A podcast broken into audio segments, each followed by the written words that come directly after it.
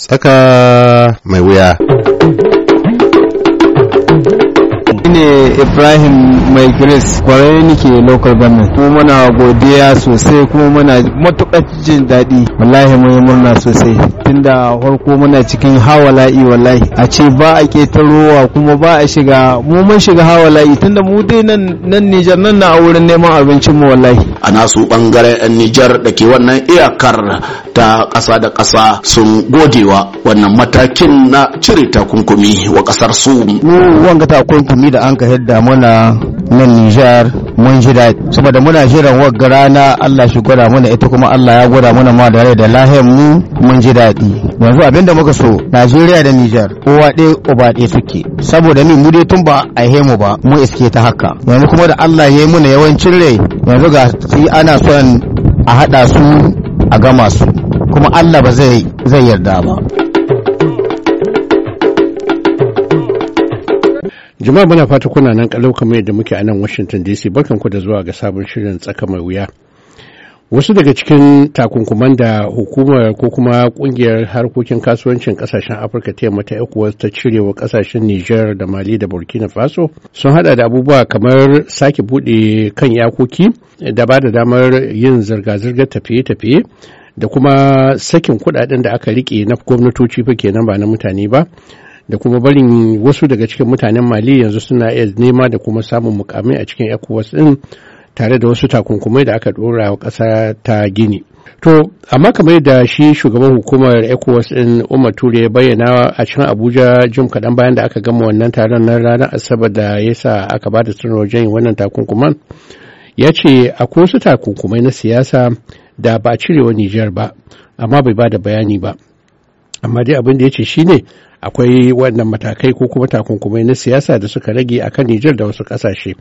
To abin tambayi shine waɗanne matakai ne ko kuma waɗanne takunkumai ne suka rage wanda ba a cire wa Nijar ɗin ba.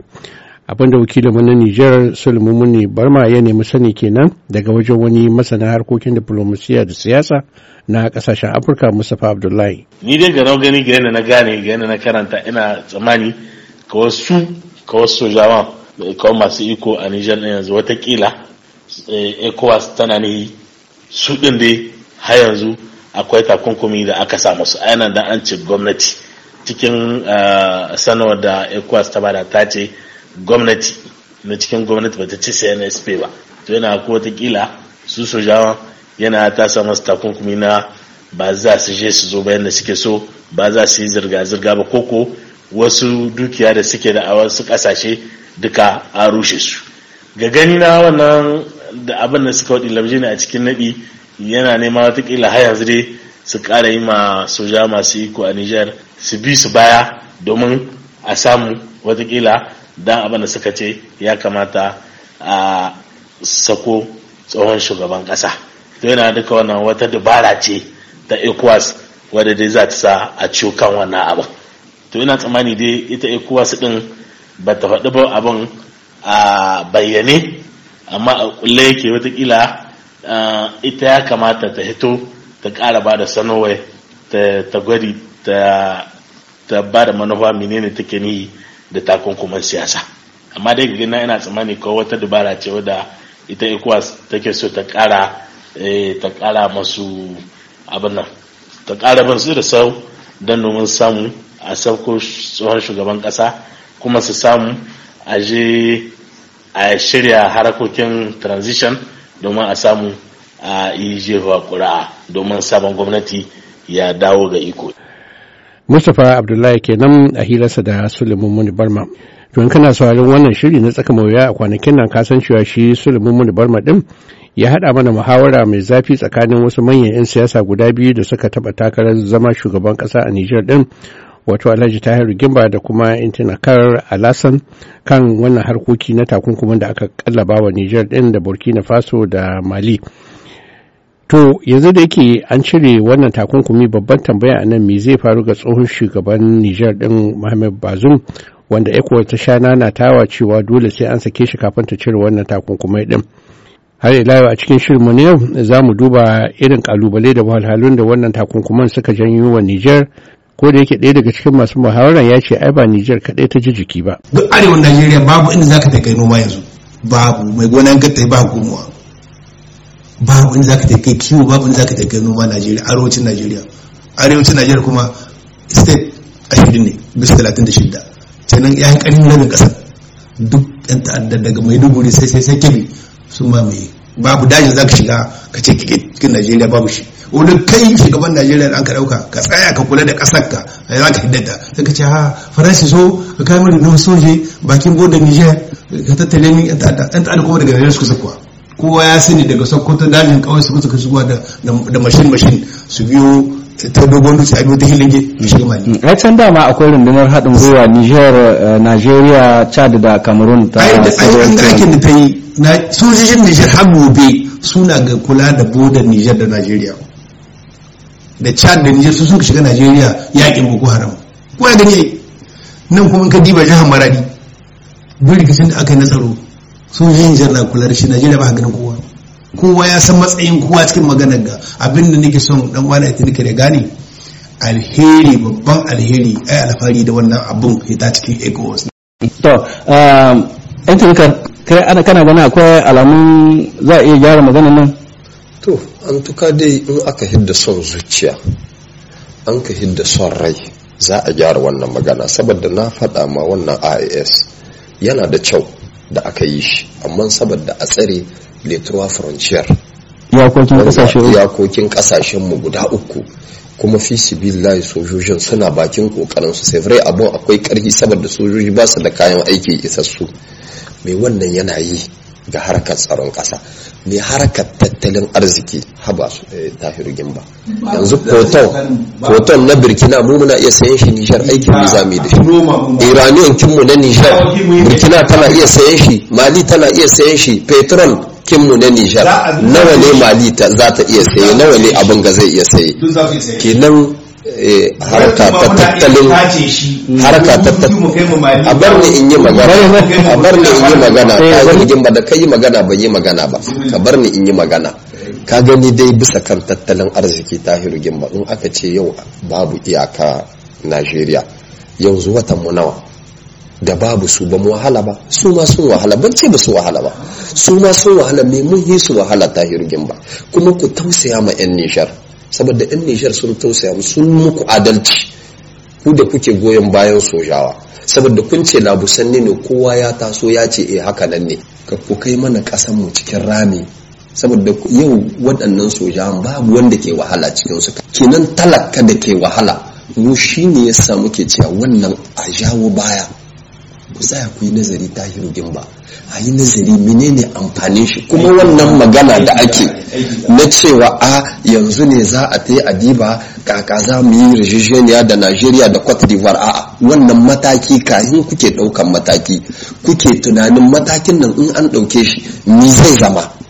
Kuma kaka za mu yi regilan abu kaza. Kaka ba sai kun zo kun ɗauki kashi kun yarba ma niger. Kannan yanzu sai ku taso ku ce a za ku wanke rabi da abin ga ruwan zuma. Bayan yi. Banda wannan su diba su gani da mu da waɗanga ƙasashe makwabtanmu ba ɗai ba ne.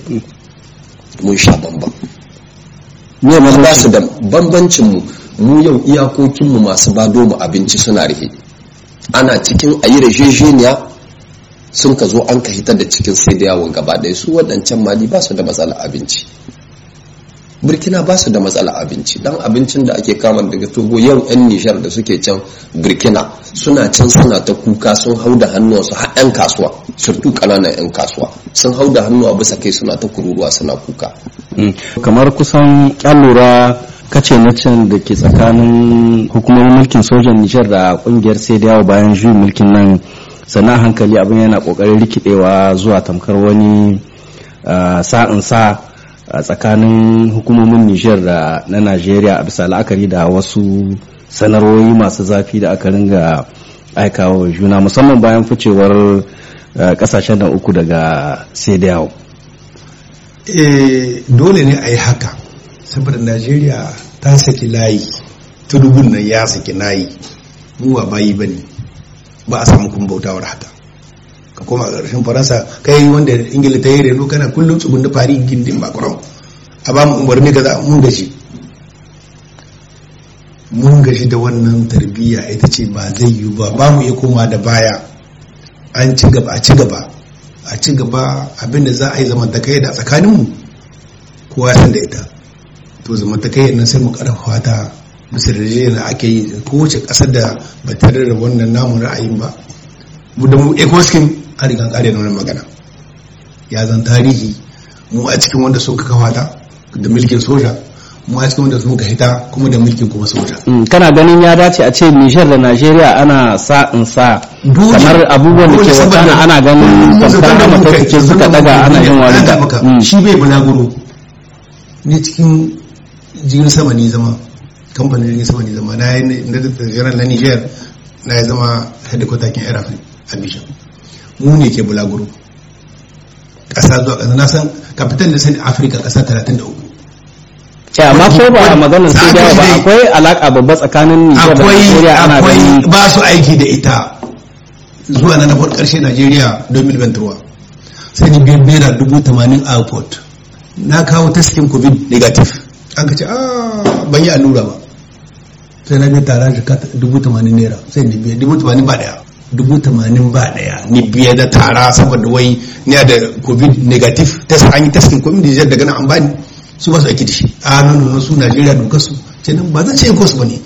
Abin da aka tsira cikin ecos ministocin likita abin suka tsira gashi abin Najeriya ga aiki gashi Najeriya ai maka shi Abuja ai maka shi. Ba su aiki da ka'idodin ecos ba su ga Najeriya da su. Wadda za ku muna mun haka. In ku amsa 60 gare mu amsa 60 gare ku. In kuna in kuna mu shiga mu ko ba ku shigo free. Ni ba in uwa ta ce ba ta da na ko da yake mu uwa. Ta zai yi wata ran ya barta dole ne mun gabar Najeriya. Wannan kana magana ne kan masu hali shiga filin jirgin sama da wani waye. Habbo da habbo da kana zakwa da takardun passport ka na ECOWAS. Duk passport da gare mu sunan shi ECOWAS. Duk ƙasar goma sha biyar ka zo sai ka ba wani sai ka ba immigration rabu. Ka shiga Najeriya ƙarya kake? Za ka hita. to ce ne mun ta yi haka nan. Kowa ya ba da cin hancin shi shiga ya ba da haka talaka ba zai cutu ba kuwa? A bai ba mu cuta ciki. Wanda muke da buƙatar su suna da buƙatar mu. In wanda ya ce zai zama ba da wancan ba ƙarya yake. President intanikar akwai alamun alaka ta tsakanin najeriya da niger ta shiga cikin wani mawuyacin hali sakamakon duk irin abubuwan da suka biyo bayan matakan ƙungiyar sai da yawa wanda kuma yake da nasaba da juyin mulkin da aka yi a ranar 26 ga watan juyi. Difa Sule Barma babu wata matsala tsakanin 'yan najeriya da 'yan niger babu wata matsala tsakankanin 'yan ƙasar ga guda biyu. 'yan ƙasar yau in dan niger ya tashi da nan. Sai ka shiga najeriya ka hito lahiya lahiya babu wata matsala. Matsala menene ne? Tsakanin gwamnatocin niger waɗanda suka ɗauki mulki da ƙarfi da yaji da sai da yawo da ƙungiya ce ta ƙasashen afirka. Su ne ke da matsala. amma an kaga sanarwoyin da ƙasashen biyu suka ba da a baya bayan nan bayan ficewar ƙasashen nan uku daga ƙungiyar ecowas za ka gane cewar akwai alamar rashin jituwa tsakanin hukumomin ƙasashen nan biyu Nijar da Najeriya. To shi minister da zafar na minista na ƙasashen waje na Najeriya da yi magana mai ni a nawa gani ya yi magana ne da sunan sai da yawo. Kamar wata magana ce da Hashim Mas'ud ya yi lokacin nan bisa kan mali da sunan sai da yawo ne. Akwai sanarwa ta gwamnatin najeriya ɗauke da sa hannun wata jami'a harkokin waje wanda kuma a nan nijar ma kwana ɗaya bayan haka ma'aikatar harkokin wajen ƙasar ta rubuta wata sanarwa wadda wata ita ma karamar jami'a ta saka hannu. Duka dai idan ka karanci takardun nan za gane cewar suna caccakar juna. Eh kamar shi ne ce ma al'ummomin ba su da matsala. Matsala inda take sai da yawo da hukumomin gane banda shi sai da yawo wane ne an jagoranta. Shugaban najeriya ne. Kenan hukumar najeriya gaba ɗaya position kinta na sai da yawo ne. Kenan wanga abu shi ne ya kamata mu gane a bambanta ɗan duma da ɗan kabewa.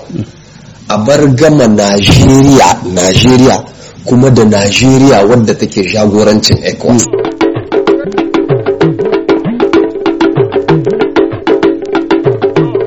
To a gaishe ku malamai bari mu tsaya nan in Allah ya kai mu rana wace za mu rufe wannan muhawara din da neman sanin manufa ko kuma makomar tsohon shugaban Nijar din Muhammad Bazoum. Muna godiya ga bakin mu Alhaji Tahiru Gimba da kuma intanakar Alasan ta da shi wakilin namu Sulaiman Muni Barma da ya haɗa mana wannan muhawara a madadin su Aliyu Mustapha Sakwata ne a Washington. Huta lafiya.